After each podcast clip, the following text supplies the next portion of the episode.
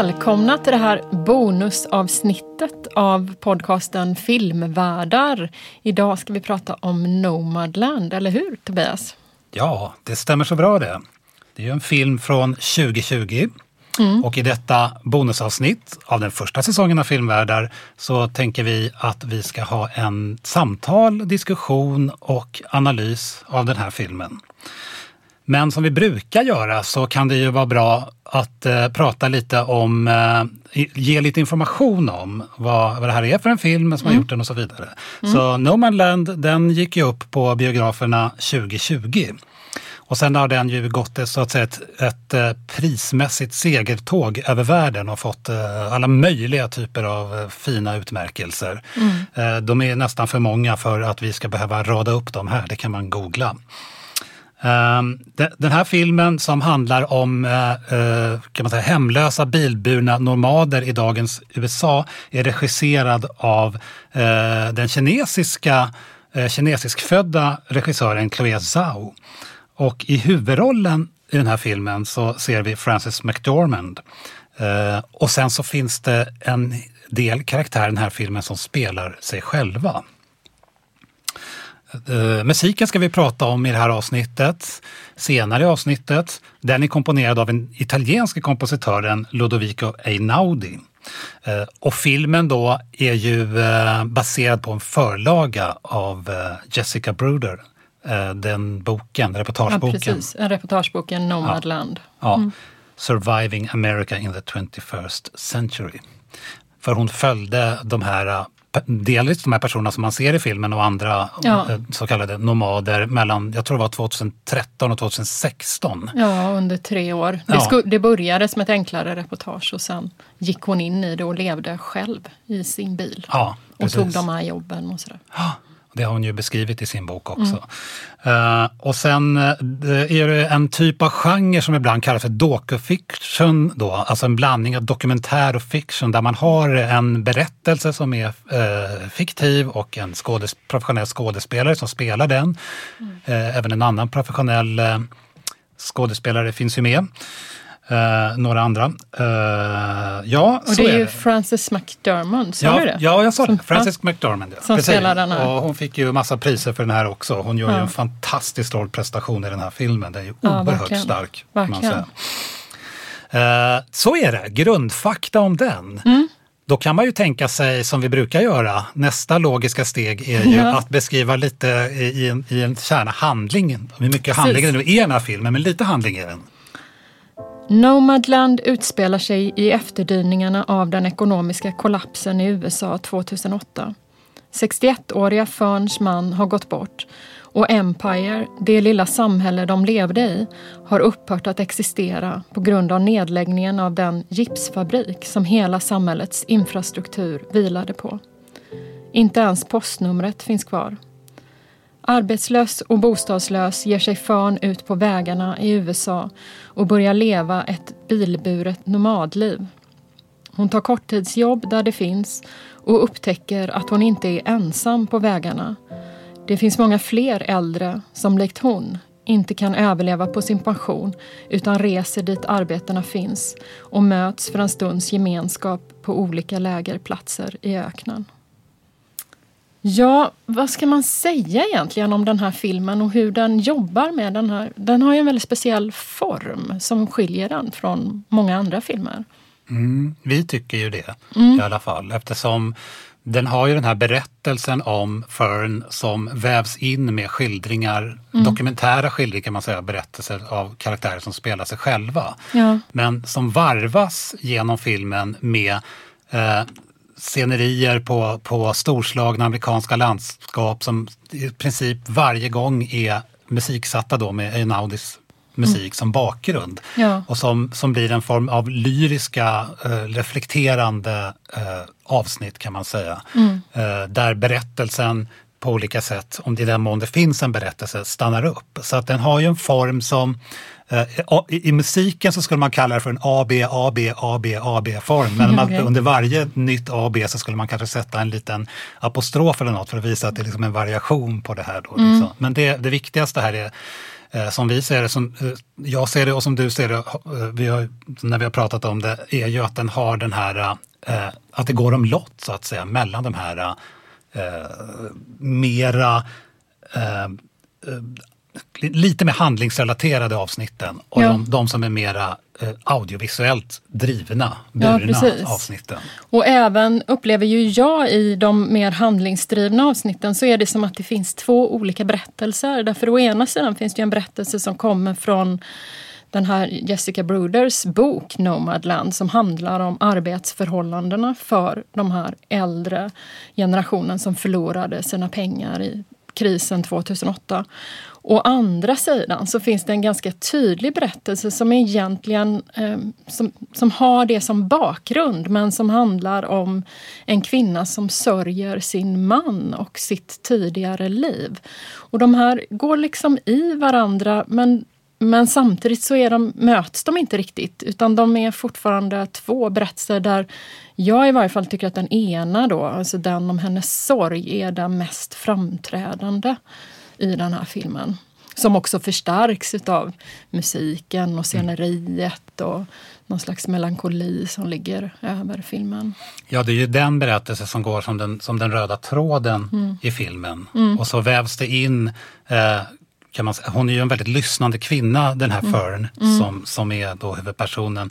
Eh, så genom henne så får vi också ta del av olika eh, nomader, som kallar mm. dem för det då, eh, eh, berättelser, alltså mm. de, de här mer dokumentära då, när de, de berättar om sig själva. Ja. Så att de, de kommer på olika ställen in i filmen. Det är ja. närmare bestämt tre lite längre berättelser där. Liksom. Ja. Eh, men själva den röda tråden, den, det, det narrativ, så att säga, det fiktiva narrativet, det är ju hennes Eh, som, som både ska vara, som jag uppfattar någon, någon form av liksom fördjupning och exemplifiering, låter lite konstigt kanske, av en sån här typ av liv då som man lever. Mm. Men som är fiktivt berättat till skillnad från de berättelser som kommer från dem som är kortare, som, som där de faktiskt pratar om liv som har levts. Mm. Ja, vi såg ju båda två den här filmen tidigare i år eh, och den var ju väldigt hyllad. Jag kan tänka att en, ett skäl till att så många älskade den här filmen eh, under pandemin, att det finns extra uppsving under pandemin är ju att det är så mycket vyer och vi har suttit så instängda i våra lägenheter under karantänen.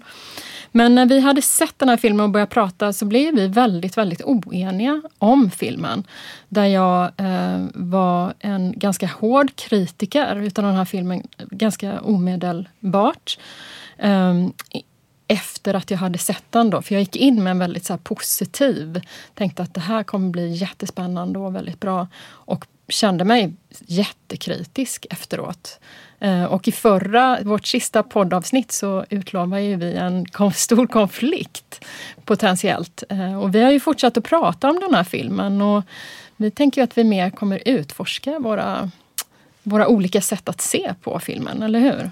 Ja, så är det. Den utlovade konflikten, den kanske blir av delvis, men för mig har det också skett någonting sen på mm. vägen så att säga. Jag eh, känner att nu blir det nästan lite metaprat. Jag går in i och gör det här avsnittet i den här studion utan att känns det ibland som att jag tänkt färdigt. Jag har en väldigt, väldigt både ambivalent och flerbottnad inställning till den här filmen som mm. gör att, att, att det på något sätt, jag har motstridiga tankar och känslor. Sådär. Så att det, blir ja. väl, det blir ett utforskande ja. på ett plan här.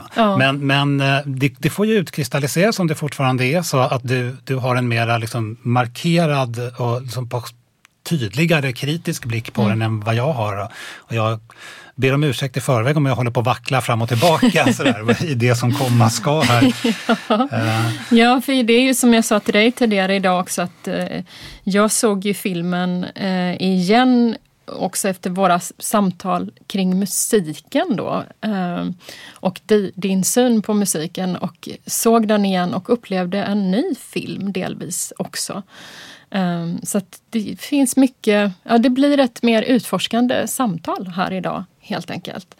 Eh, Men lite stänk av oenighet får vi försöka och sådär, hålla kvar ja. när vi har lovat det. Ja.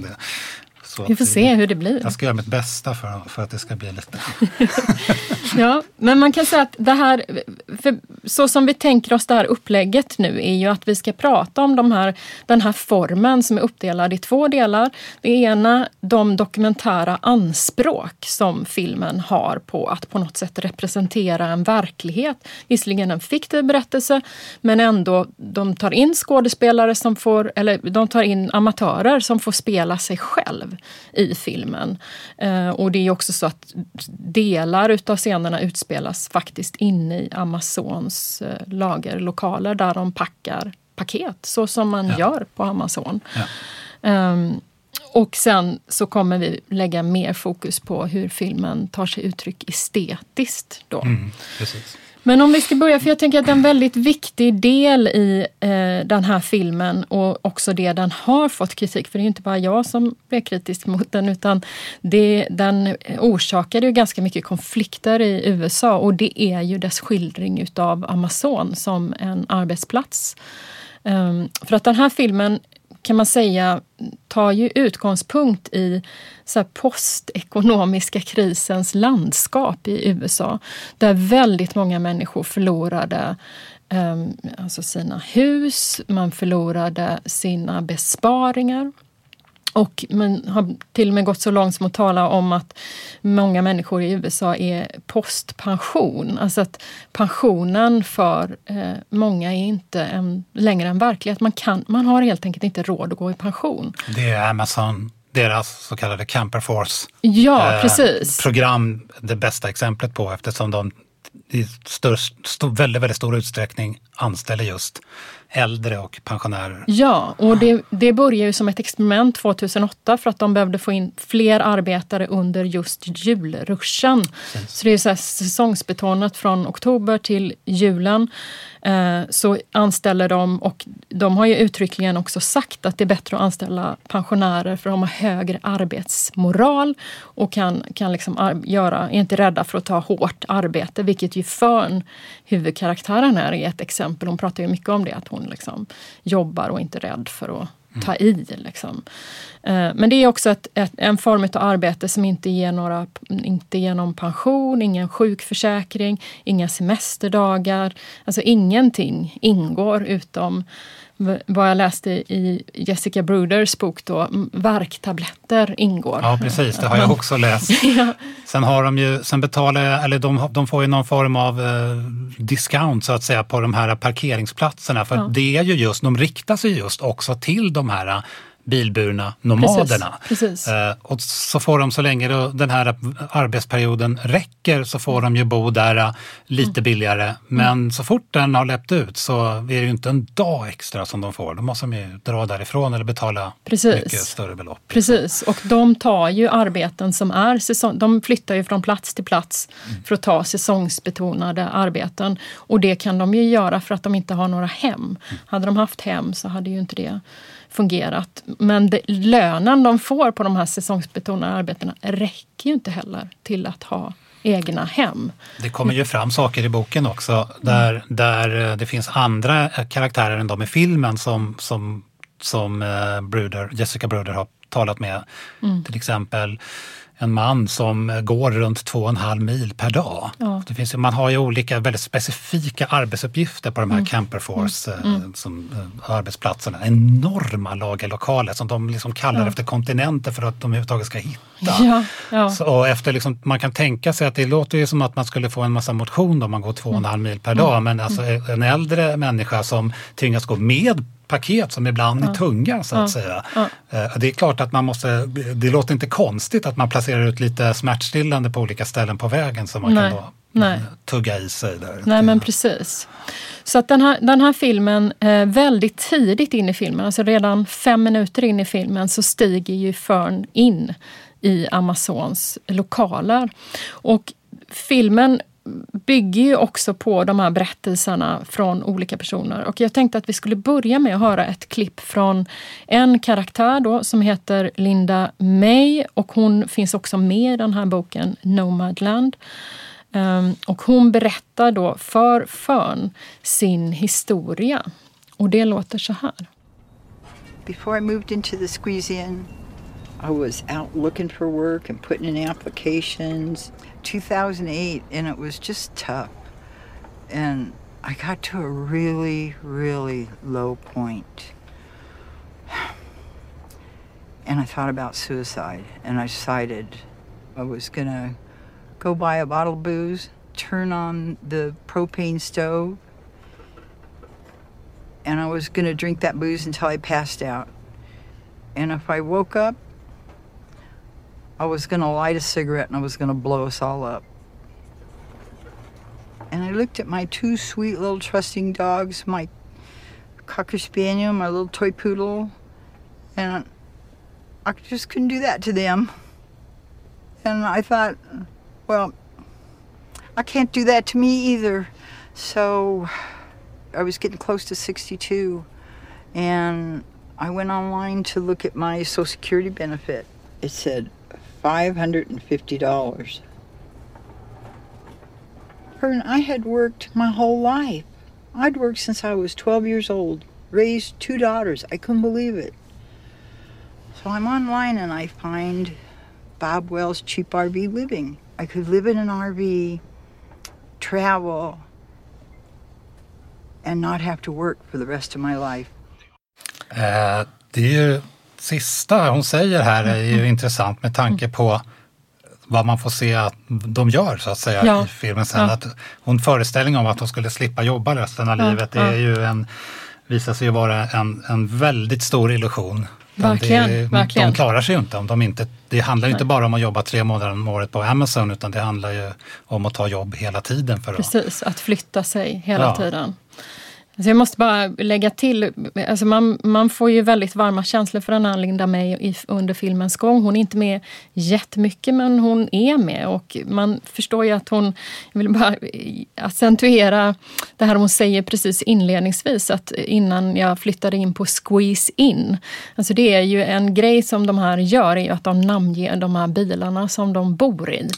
Eh, och hon har ju namngett sin eh, efter ett sånt där hotell som brukar heta In, men då heter det Squeeze In eftersom det är så himla litet. Just det. Så Och, ja, det är ju väldigt bra. Ferns hette ju för övrigt eh, Vanguard. Ja, Och eh, precis. Jessica Brudes hette väl Van Halen? Va, Ja, ja, Mm. precis. Så att det är lite humor i de här namnen. Bara ge, ge lite uppmärksamhet mot, eh, mot det här. Men det hon berättar är ju en, en eh, Eh, alltså, att hon, precis just det här att hon har arbetat hela sitt liv men det finns inga, hon har inga pengar. Och hon är ju verkligen inte ensam om den här situationen i USA.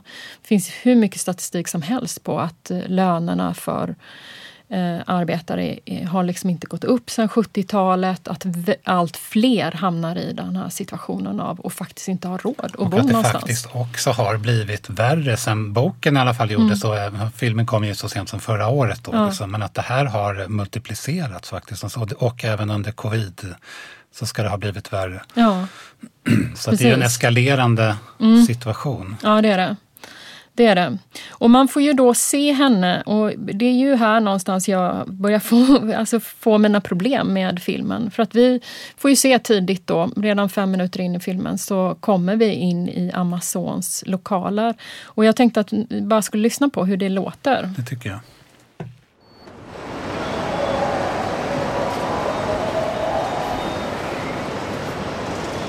Good morning, everybody. How's everybody doing today? All right. Let me get a safety tip. Three point contact, Why is it important to maintain three points of contact?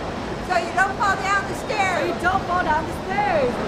Can I get a standard work tip from you? You don't go right ahead. You don't go. Ja, väldigt snabbt och effektivt klipp där. Men det är ju, de blir ju introducerade då till arbetet utav en sån här manager. Det är väldigt eh, så här, check stämning. Hallå, hur mår ni idag? Wow, vi mår bra. Eh, man får ju också se Linda May eh, stå här tillsammans då med Fern. Och jag tycker det är lite intressant att det de pratar om är säkerheten och det här med eh, kontakt eh, när man går i trapporna. Det är ju för att de inte ska trilla. För det eh, händer med jämna mellanrum att de gör eftersom de är, har ju bråttom. De är ju pushade hela tiden att arbeta snabbare och att gå snabbare. Och de har som jag förstår det tio timmars pass de jobbar ibland mer Mm. och de har en kvart på förmiddagen, en kvart på kvällen, äh, eftermiddagen, paus och så en halvtimmas lunch. Och de är ju kanske också ganska uttröttade kan man tänka sig. Verkligen, och flera utav dem jobbar ju nattetid. Och de alltså är- de och de börjar är vid äldre, sex. och de är äldre. Precis, jag börjar vid sex och slutar vid fyra på natten. Mm. Då hade jag också snubblat i trapporna kan jag säga, efter att ha gått så mycket. Och jag tänker att vi redan går på klipp nummer två från Amazon också med en gång. This is Angela, Doug, Ryan, Teresa, Carrie, good to meet you, and your good old friend, Linda May, and I'm Fern. And this is my friend Fern. Hi, everybody. Another Smith lyric I have is when you're laughing and dancing and finally living, you hear my voice in your head and think of me kindly. And then also, the one that means the most to me is home is it just a word or is it something that you carry within you? So. Det är ju väldigt korta scener och samtidigt så pekar de ju på en tematik som kommer igenom i filmen. Eh, I det här klippet så eh, är det, får man då se dem sitta i lunchrummet tillsammans och här sitter ju den här Amazon-managern tillsammans med dem och det är hon också som är då tatuerad över hela kroppen och bland annat har det här så, citatet att hemmet är något man bär med sig. Och just det här är ju en, ett tema i filmen att, mm, som också Fern säger, men jag är inte eh, jag saknar bostad men jag, har, jag är inte hemlös utan att man, hemmet är någonting liksom, man bär med sig och inte en materiellt ting. Då. Och jag tänker en sak som jag reagerade väldigt starkt på i den här filmen när jag såg den första gången och som gjorde mig arg. För jag var verkligen, jag hade läst mycket gott om filmen och var liksom sådär, tänkte att kommer, den kommer vara vacker och den kommer skildra den här arbetssituationen. Det var att jag kände att eh, den eh, friserar den exploatering som de här människorna utsätts för och som framkommer mycket tydligare i boken. Alltså, om vi bara tar Linda May till exempel så beskriver hon ju själv eh, arbetet på Amazon som ett slavarbete. Alltså hon säger vid något tillfälle att, att eh, jag hatar det där jobbet. Amazon är sl- största slavägaren i hela världen. Det här är ju bort, helt borta från bilden. Här får man ju se henne glad och heja på den här managern. Eh, hon har också fått bestående skador från sin tid, alltså för att ha gjort monotona rörelser. Ingenting utav detta finns med i filmen. Istället framstår Amazon som ja, men vilket jobb som helst nästan.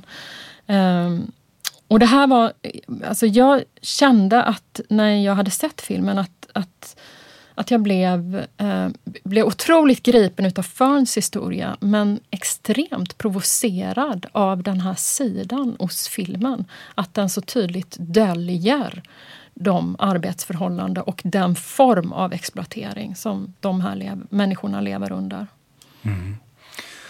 Det är ju en... Du har ju, ser ju saker som, som jag också ser och eh, jag, har ju, jag delar ju den uppfattningen när det gäller Amazon till, ska jag säga, 100 procent.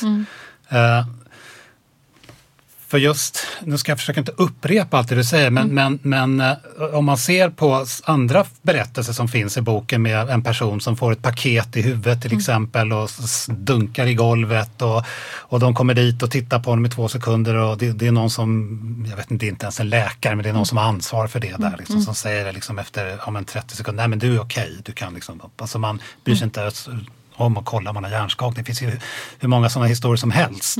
Och Jessica Bröder har ju själv då arbetat på Amazon för att liksom inifrån kunna skildra det precis. här. Och det här är ju det här är ju någonting som är eh, helskumt med den här filmen, skildringen av Amazon eh, och att man inte, att man inte eh, lyfter fram det här. Och eh, det är också så att eh, Frances McDormand är ju den som uppenbarligen har tagit kontakt med Amazon för att man ska få filma där inne.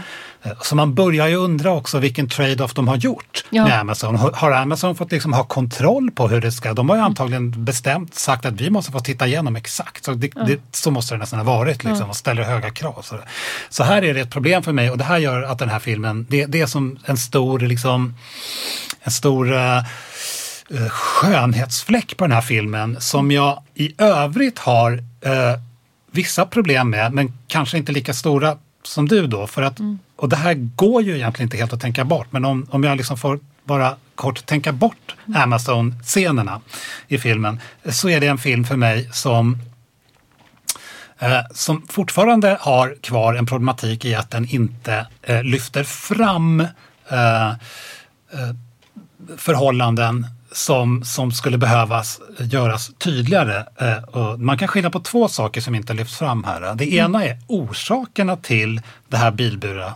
nomadlivet. Vad är det som ligger bakom? Vad är det för strukturella eh, eh, vad är det för samhällsstrukturer så att säga? Vad är det som leder till det här? Eh, Så det är det ena. Det är ganska, det är ganska eh, undangömt. Det kommer inte fram explicit. Eh, inte heller i berättelserna som eh, Linda Mays berättelse till exempel. Det skymtar där att hon liksom har sökt så många jobb och man förstår hennes desperation och så vidare. Eh, det andra är hur det bilburna normallivet nomadlivet då framställs. Och det här är ju också en del av det, hur Amazon framställs. Så att säga. Där det också, eh, vad väljer man att visa och inte visa och lyfta fram och inte lyfta fram. Eh, men med det sagt så är det här en film för mig och då sätter jag fortfarande Amazon så att säga, in i ett paket. Om man får säga det så. Eh, så är det här en film för mig som, eh, som lägger ut eh, ganska många små antydningar överallt som, som bygger på säga, någon, någon form, liksom bilden av, en bakgrundsbild av ett USA i ruiner. Och eh, jag tror också att den kanske tänker sig att, att, att, den- att filmen liksom förutsätter lite att man ska på något sätt vara insatt eller förstå lite grann av den här amerikanska situationen. Att det liksom är en, någon sorts förförståelse förståelse man bör gå in i då, som, som, som åskådare. Eh, så det spelar liksom en bakgrund här. Alltså, alltså det, och det, det finns många sådana skildringar tycker jag eh, av arbete som kunde ha skildrats ännu mer. Men det finns där så att säga. Eh, Eh, man städar en skitig toalett till exempel och sådana saker. Eh, det är också skildringar av hur de har det i sina olika bilar. Vilket, vilka, det gör verkligen ont ibland att se de här personerna. Fern är ju den man får se mest då eh, i, i, sin, i sin bil och hur de fryser och så vidare. Sen tycker jag att det liksom, när jag har tittat om på den här filmen så känns det som att nästan varje scen av de här dokumentära delarna genomsyras på något sätt. Deras kläder, deras hållning, deras ansikten som zoomas in ibland. Eh, Så det finns där och därför är det för mig inte liksom en fråga om att filmen eh, helt och hållet går någon ärende till exempel, någons ärenden eller på något sätt i svartvit. Utan det är att det görs lite för lite för att lyfta fram den här bilden som, som, som på olika sätt skissas i bakgrunden. Den här bilden av vad är orsakerna till det här? Eh, Hur är det här livet så att säga? Eh, och eh, det, det, det är för mig då en film som ändar upp med att bli eh, ha en kritisk udd men den kritiska udden är så att säga för outvecklad och den hamnar eh, till lite för stor del bakom eh, andra fokus så att säga som har att göra med fokus på till exempel Fern och hennes sorg, eh, fokus på upplevelsen av vacker natur och så vidare. Ja. Men, mm, för det är ju där jag tycker att det blir ett problem. För det är som att den här filmen å ena sidan eh, hämtar kraft från de dokumentära anspråken. Eh, å andra sidan aktivt för, döljer då den eh, situation de här människorna lever i. Och då, jag tycker inte... Alltså, Amazon är ett sånt uppenbart exempel på hur det är friserat. Men genomgående, vilket också framgår i den här boken Nomadland, så är det ju inte bara på Amazon som de blir exploaterade. Och nu pratar jag i någon slags kroppslig mening. Alltså hur man får liksom arbeta jättehårt med sin kropp och utsättas för skador. Linda May, på ett annat utav de här jobben hon tog, eh, så ble, bröt hon två revben till exempel. Så att de, de är ju liksom försatta i en situation där, som är väldigt, väldigt utsatt. Och där den här filmen eh, glossar över det. Alltså den visar för har mer fritid än vad hon faktiskt är på jobbet. Eh, och, och det finns ingenting som, ja det är ett hårt liv, det kan vara kallt, det kan vara smutsig toalett men, men det kan ju det ju vara även på arbeten där man får bra lön så att säga. Så det finns inte någonting utav den strukturella exploateringen utav dem som går ända ner i deras kroppar. Jessica Bruder säger ju till exempel när hon har gjort de här arbetena att hon har ont i hela kroppen gruppen. Och då är hon i 30-årsåldern. Här talar vi om människor som är 70, kanske 80 år som utför de här arbetena. Och jag tror att en sak som gjorde mig också provocerad, jag är ju gammal hemlöshetsforskare, det var så jag började. Ehm, och när jag höll på med hemlöshetsfrågor så, och, och, också kring skildringar och representationer utav fattigdom. Så var det en sån återkommande fråga att väldigt ofta eh, när man vill skildra, i en välvillig mening, vill skildra fattiga människor värdiga.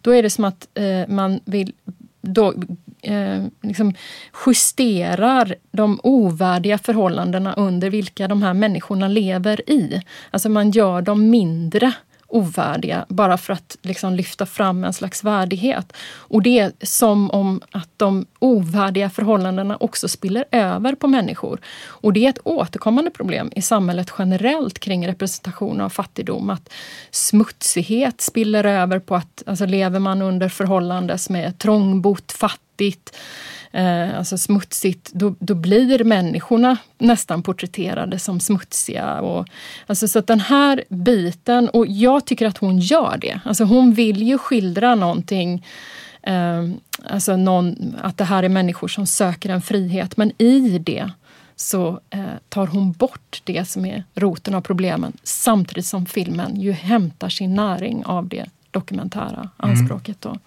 Där, jag har nog kanske en lite annan syn där. Då. Eh, jag ska bara säga en parentes, att det är lite intressant att Jessica Bruder som är den som har levt med och gjort de här jobben. Eh, och jag vet inte vad skälet till att hon gör det här är, men hon har alltså sagt i en intervju om filmen I thought it was pretty remarkable how the movie captured the gritty realities of living on the road. Mm.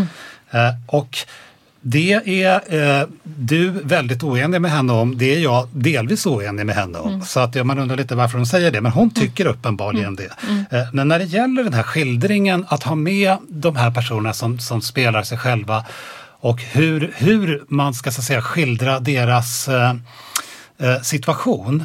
Eh, så tänker jag mig att det är en väldigt, väldigt svår balansgång att göra i en sån här typ av film. För att mm det finns, även om, även om det finns alltid en risk att man ändå ändar upp med att tillskriva dem historier som, även om de är sanna, mm. det vill säga att de kanske lever på ett hårdare sätt än vad som framgår i filmen, inte har utsagts av dem själva. Så jag och jag uppfattar det som att för de här dokumentära berättelserna, de, de delarna av filmen är mm. väldigt rörande. Jag uppfattar det som att det finns en väldigt stor respekt från regissören eh, där, där hon låter dem säga det de säger och eh, annat får antydas så att säga. Men att, att om de talar de inte själva om eh, specifika saker så att säga, som har med strukturella problem att göra eller att hur mycket de jobbar och inte jobbar och sådär.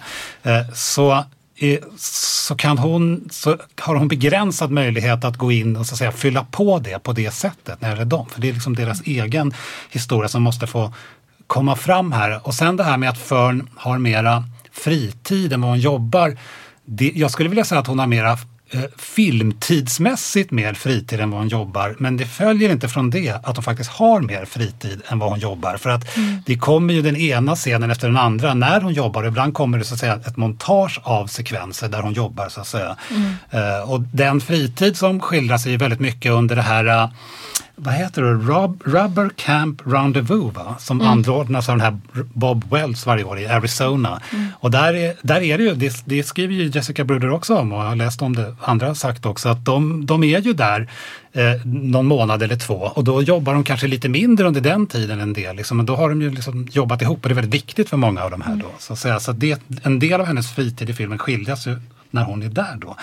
Eh, så jag tänker att det det finns ändå en poäng i att, alltså det finns en svårighet i att, att hitta balansen mellan att skildra när man har, eh, när man ska skildra personer som lever eh, ett ett liv som är eh, socialt utsatt på olika sätt. Och framförallt när det är dokumentära inslag, de spelar sig själva, att, hur man ska eh, respektera deras, deras sätt att prata om sig själva på, till och med om de ljuger för sig själva så att säga, och, hur man, och vad man ska göra för att tillskriva dem historier som, som eller inte historier men också så att säga lägga till det, det som är orsakerna till att de har hamnat där när de inte själva mm. pratar om det. Och det finns filmer som går fel också när de ska skildra det här väldigt eh, Eh, Eh, väldigt hårda livet. Jag tänker på en, eh, Tori Scola är en regissör som jag älskar men hans Fula skit i elaka är en film som jag har mycket svårt för som hamnar liksom fel där därför att de, de karaktärerna i den filmen är för sig fiktiva men de blir bara någon sorts eh, illustrationer på någonting. Men, men jag tycker att det är regissören som ljuger och inte karaktärerna. För jag tänker en sån, så, återigen som Linda May då, som har beskrivit Amazon som den största slavägaren i världen. Hon får ändå via regissören stå där igen och göra det här arbetet som hon har bestående skador av med glad och god min. Och det blir ju en felaktig representation av hennes berättelse som hon så tydligt har berättat om. Men det är dags för oss att gå vidare till den andra delen i filmen, nämligen alltså estetikens roll i filmen. Och du har ju ett och annat att säga om musiken i, i filmen. Jag brukar ju ha det. Ja, ja.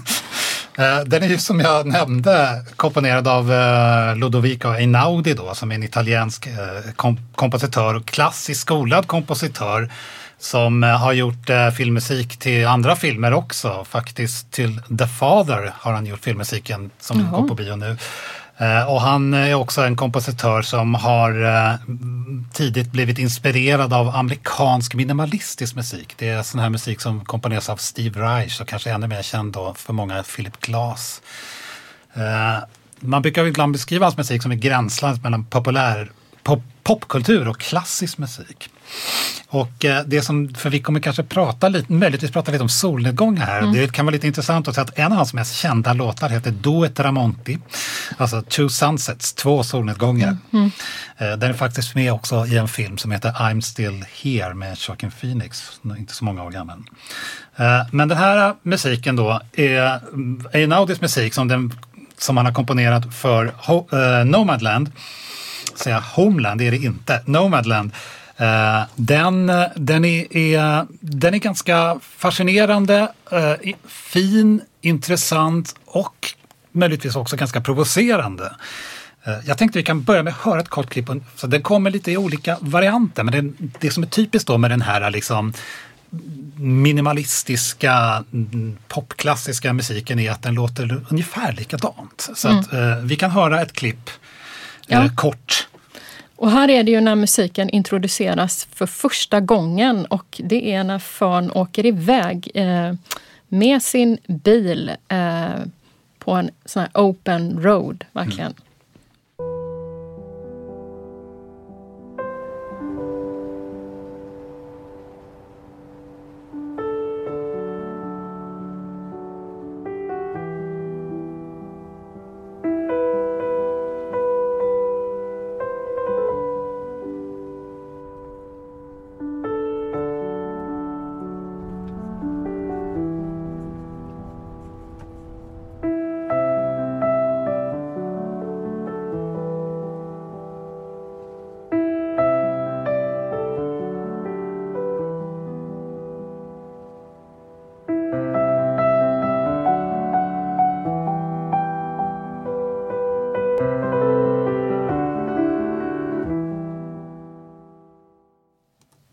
Den här musiken introduceras precis när hon har fått veta att hon inte kommer kunna få något fast jobb igen. Utan behöver ge sig ut mm. på vägarna mm. helt enkelt. Och det man får se är att hon kör i stora, eh, väldigt eh, ja, stora landskap. Ja, stora, öppna, landskap. Ja, stora öppna landskap. Precis. Med lite trafik. Med lite trafik, bara mm. i hennes bil. Mm. Eh, den här musiken, eh, ibland är det piano, ibland så kommer det in en, en violin eh, och någon gång kommer det in även en cello så det blir som en liten trio. Mm. För det mesta så är det bara piano. Och det här, den här musiken kommer tillbaka och ackompanjerar sådana här uh, lyriska resescener kan man säga, liksom, och naturromantiska scener runt, någonstans runt tio gånger i hela filmen. Så det, det är liksom någonting som återupprepas hela tiden när, mm. film, när musiken kommer tillbaka. Och man, säga, man pratar lite kort bara liksom om stämningen i den här musiken. Jag skulle vilja lyfta en sak sen också hur den används i filmen i ett specifikt mm. klipp. Men mm. bara lite grann, det, jag har lite svårt att fånga vad sjutton det är som den här musiken uttrycker, vad är stämningen? Men den, den är ju sorglig på något mm. sätt. Alltså ett annat ord som kommer upp i huvudet på mig är liksom att det är melankoliskt. Mm. Men, sorgsen då, sorglig, sorgsen. Eh, men sen får man ju så här, jag får lite så här tankar i huvudet om att, att det är resignerad, det är lite uppgiven. Alltså det är mm. någonting. Samtidigt finns det någonting också, och det har att göra lite med hur den relaterar till filmbilden, att den är besvärjande i den bemärkelsen att man, när man försöker besvärja, att, att man har ett oroligt sinnestillstånd eller någonting. Man mm. använder någonting för att besvärja och förgylla och göra det liksom vackert. Sådär. Och jag tycker också att den på många sätt är väldigt innerlig. Mm. Eh, och där börjar min problematik uppstå då att den här mm. musiken är sak, många olika saker på en gång som är mm. lite problematiskt. Mm. Eh, sen har både du och jag tankar om hur den här musiken eh, kan förstås i ett större sammanhang, både i filmen och i någon sorts liksom samtida samhällssammanhang. Ja, ja. Men innan vi kommer in på det så tänkte jag att vi ska höra ett annat klipp, mm. eh, en bit, som, som, som på, där, där den här musiken gör någonting väldigt intressant i filmen.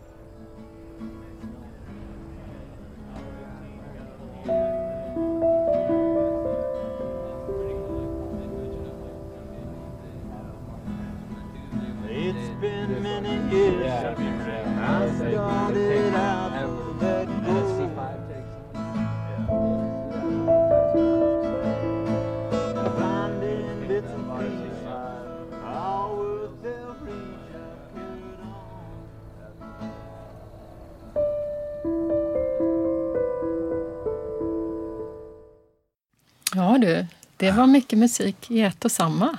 Ja, sätt. det var ju ja. det. Jag ska bara säga att den här eh, den här eh, sekvensen då, där, mm. när musiken kommer här så ackompanjerar liksom ett montage av kortare scener. Mm. Som, och den fortsätter här, så det är, jag tror att det är liksom en, ett segment i filmen på kanske 4-5 minuter, eller 3-4 i alla fall. Mm. Eh, och det som, är lite, det som är lite ovanligt här, mm. eh, för att se lite mer tekniskt på hur musiken används. Det, och det tror jag att många lägger märke till när de ser filmen här. Eh, det är att, att den, är, den blir liksom väldigt påträngande plötsligt den här musiken och att den nästan ska vara det. Den överlagras på ett sätt över de, de eh, ljud som kommer från, från filmvärlden, fiktiva världen så att säga. Mm på ett sätt som, som egentligen bryter mot de grundläggande principerna för hur man gör eh, ljudlägger och musiklägger ja. eh, mainstreamfilm, narrativ Hollywoodfilm. Eh, och det har man ju som tydligast här och det sker sen i några av de andra korta scenerna som kommer efter också på andra sätt. Det hör man här när, när man hör de här, eh, man ser några killar som är uppe på, ett, på en kulle och de sitter ja. och spelar gitarr och det är vacker liksom, skymning och sådär. Och så hör man det och så börjar den musiken ta över. Normalt sett så skulle liksom handlingen föras vidare där. Men då vill den här musiken tillbaka. Mm. Och så den, den propsar på ett sätt på, på våran uppmärksamhet. Den liksom, det känns som att här, när man gör på det här sättet då vill man verkligen att åskådaren och lyssnaren ska ställa sig frågan, nu vill musiken säga oss någonting. Och då undrar man, vad sjutton vill den säga oss? Mm. Och då kommer man tillbaka lite till det här, liksom, vad uttrycker den här musiken och vad uttrycker den i filmen? För den är som en varm, sorgsen, liksom innerlig elegi, ska man kalla det, över de här utsatta människorna som valt att leva ett annat liv. Liksom. En sorts sorgesång eller litania över ett liv, eller till och med en värld och ett samhälle som inte längre finns. Och jag uppfattar den samtidigt som en sorts uttryck, en sorts lite påträngande liksom, uttryck, längtan för någon sorts autentisk innerlighet. Det är liksom sent på jorden, det är sent i USA. Det är liksom, den här musiken reflekterar det och vill säga mm. någonting om det. Mm. Uh, och det är ju så att de här, de här avsnitten där musiken finns med, som vi kan kalla för lyriska då på något sätt och väldigt naturskildrande avsnitten i filmen, de, de lutar sig väldigt, de, de, de de lutar sig väldigt mycket mot musiken. Så det, alltså den skapar någon form av också resignerad avklaradhet i förhållande till det här. Ja. Liksom, eller ett försök att, att leva där så att säga. Eh, så att det finns en sorts oerhörd, och det gör, den, den bidrar till att man får här, den, att den här filmen är så vacker, att det liksom känns så, man blir så berörd och musiken är innerlig. Men det finns ett problem med den här innerligheten kanske. Mm. Eh, det som är intressant när man lyssnar på den här musiken och noterar det är att det här är faktiskt en typ av musik som man ibland kallar för, Spotify till exempel har en, en, en, en beteckning för det. Man kallar det för Classical Piano uh, New Age Music. Mm. Uh, och det här är en typ av, uh, kan man säga, New Age pianomusik som, som är faktiskt, om, bara om man ser på Spotify men även andra sådana här streamingplattformar, de, de fullständigt översvämmas av det här.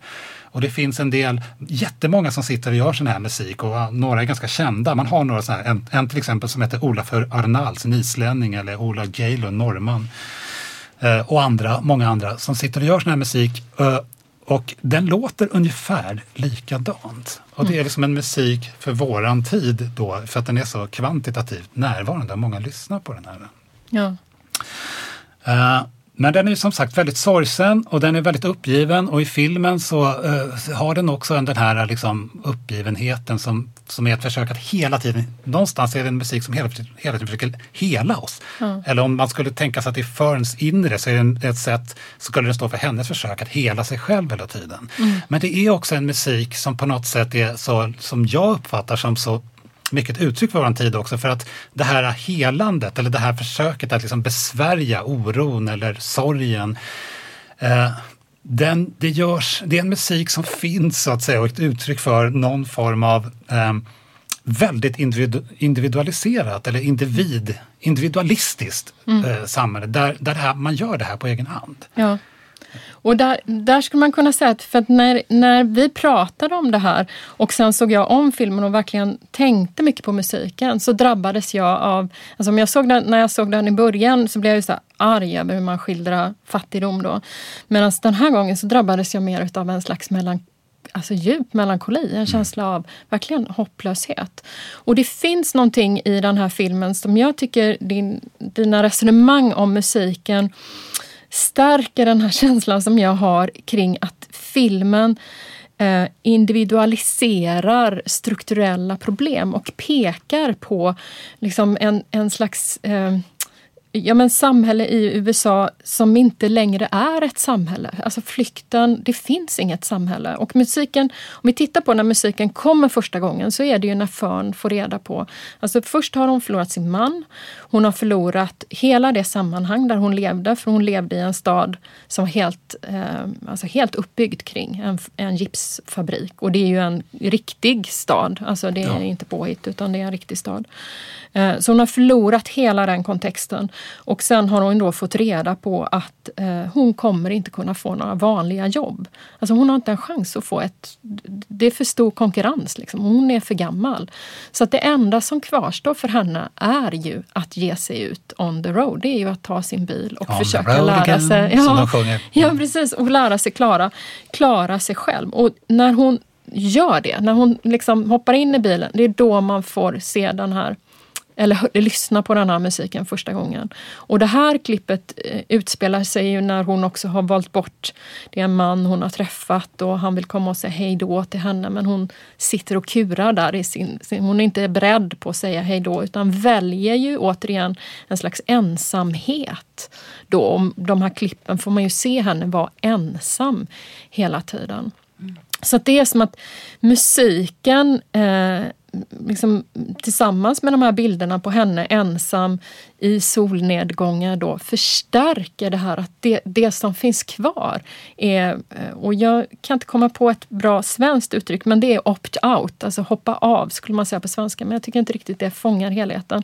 Men det finns liksom, man till synes väljer att hoppa av det normala livet, men det är ju inget val för att det finns inget annat att välja på. Alltså, Nej, hon, nej. hon kan inte göra någonting annat.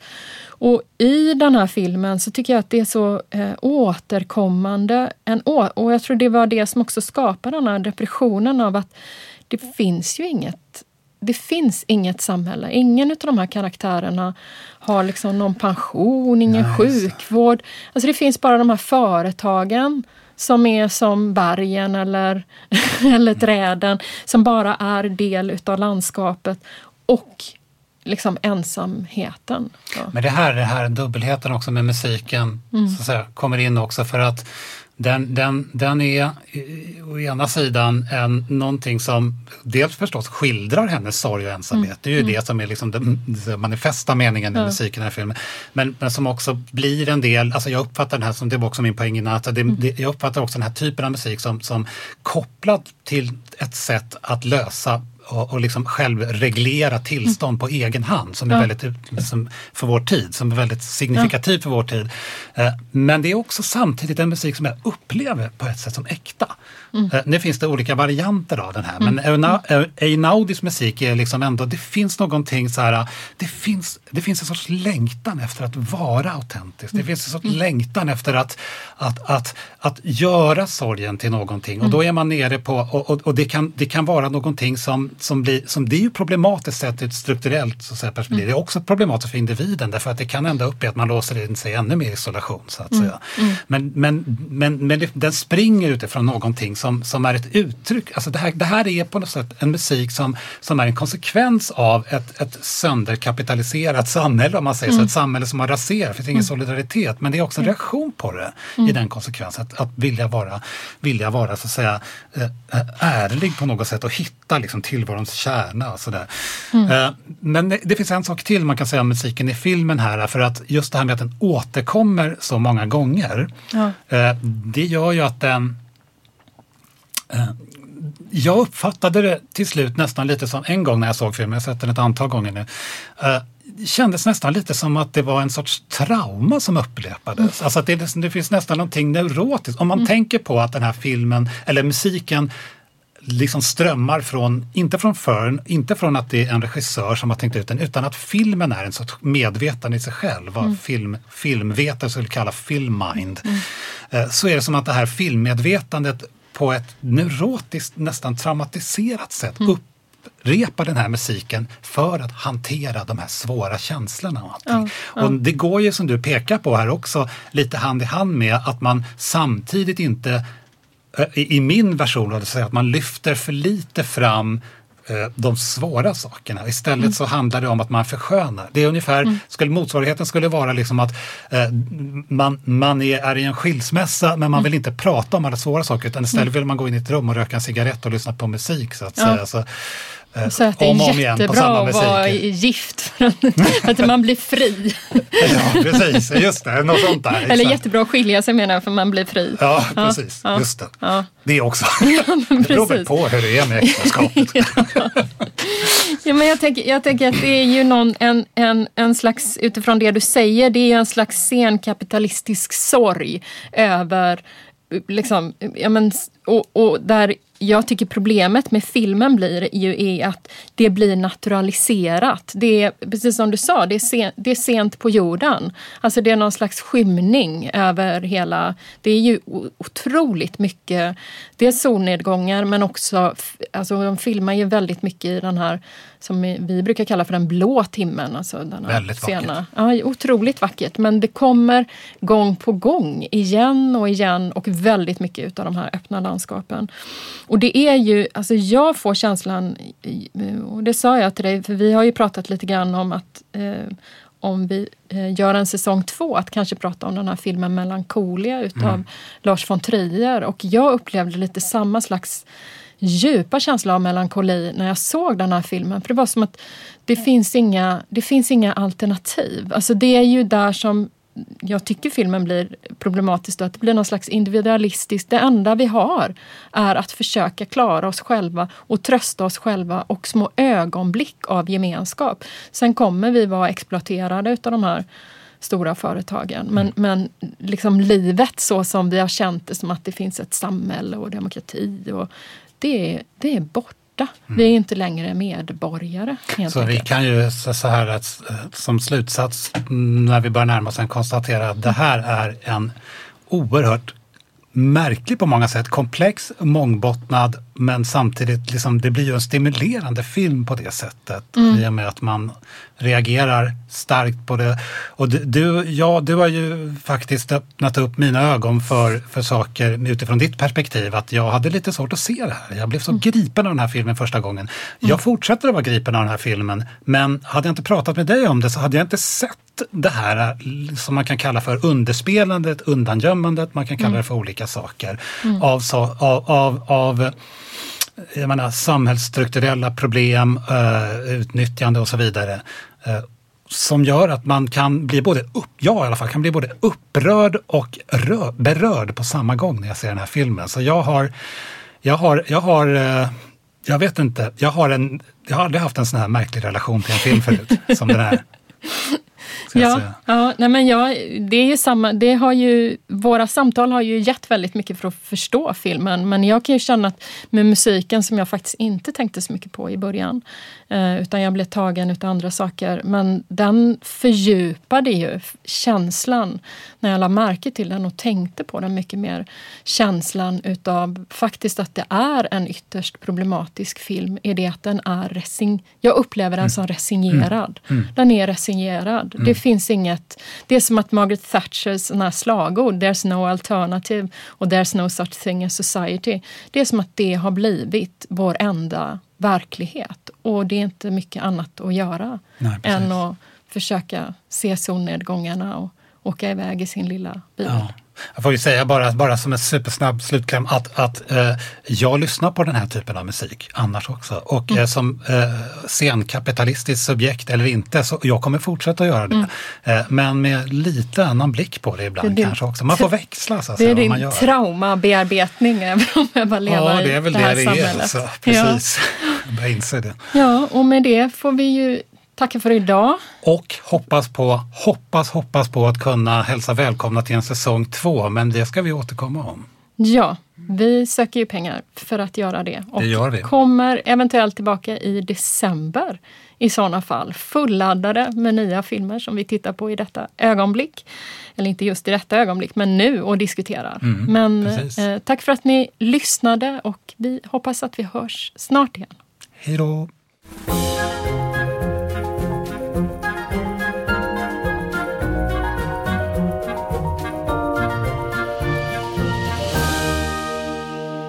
Den här podden produceras av Medieteknik vid Göteborgs universitet med bidrag ur stiftelsen Gustav Adolf Bratts föreläsningsfond och Institutionen för kulturvetenskaper.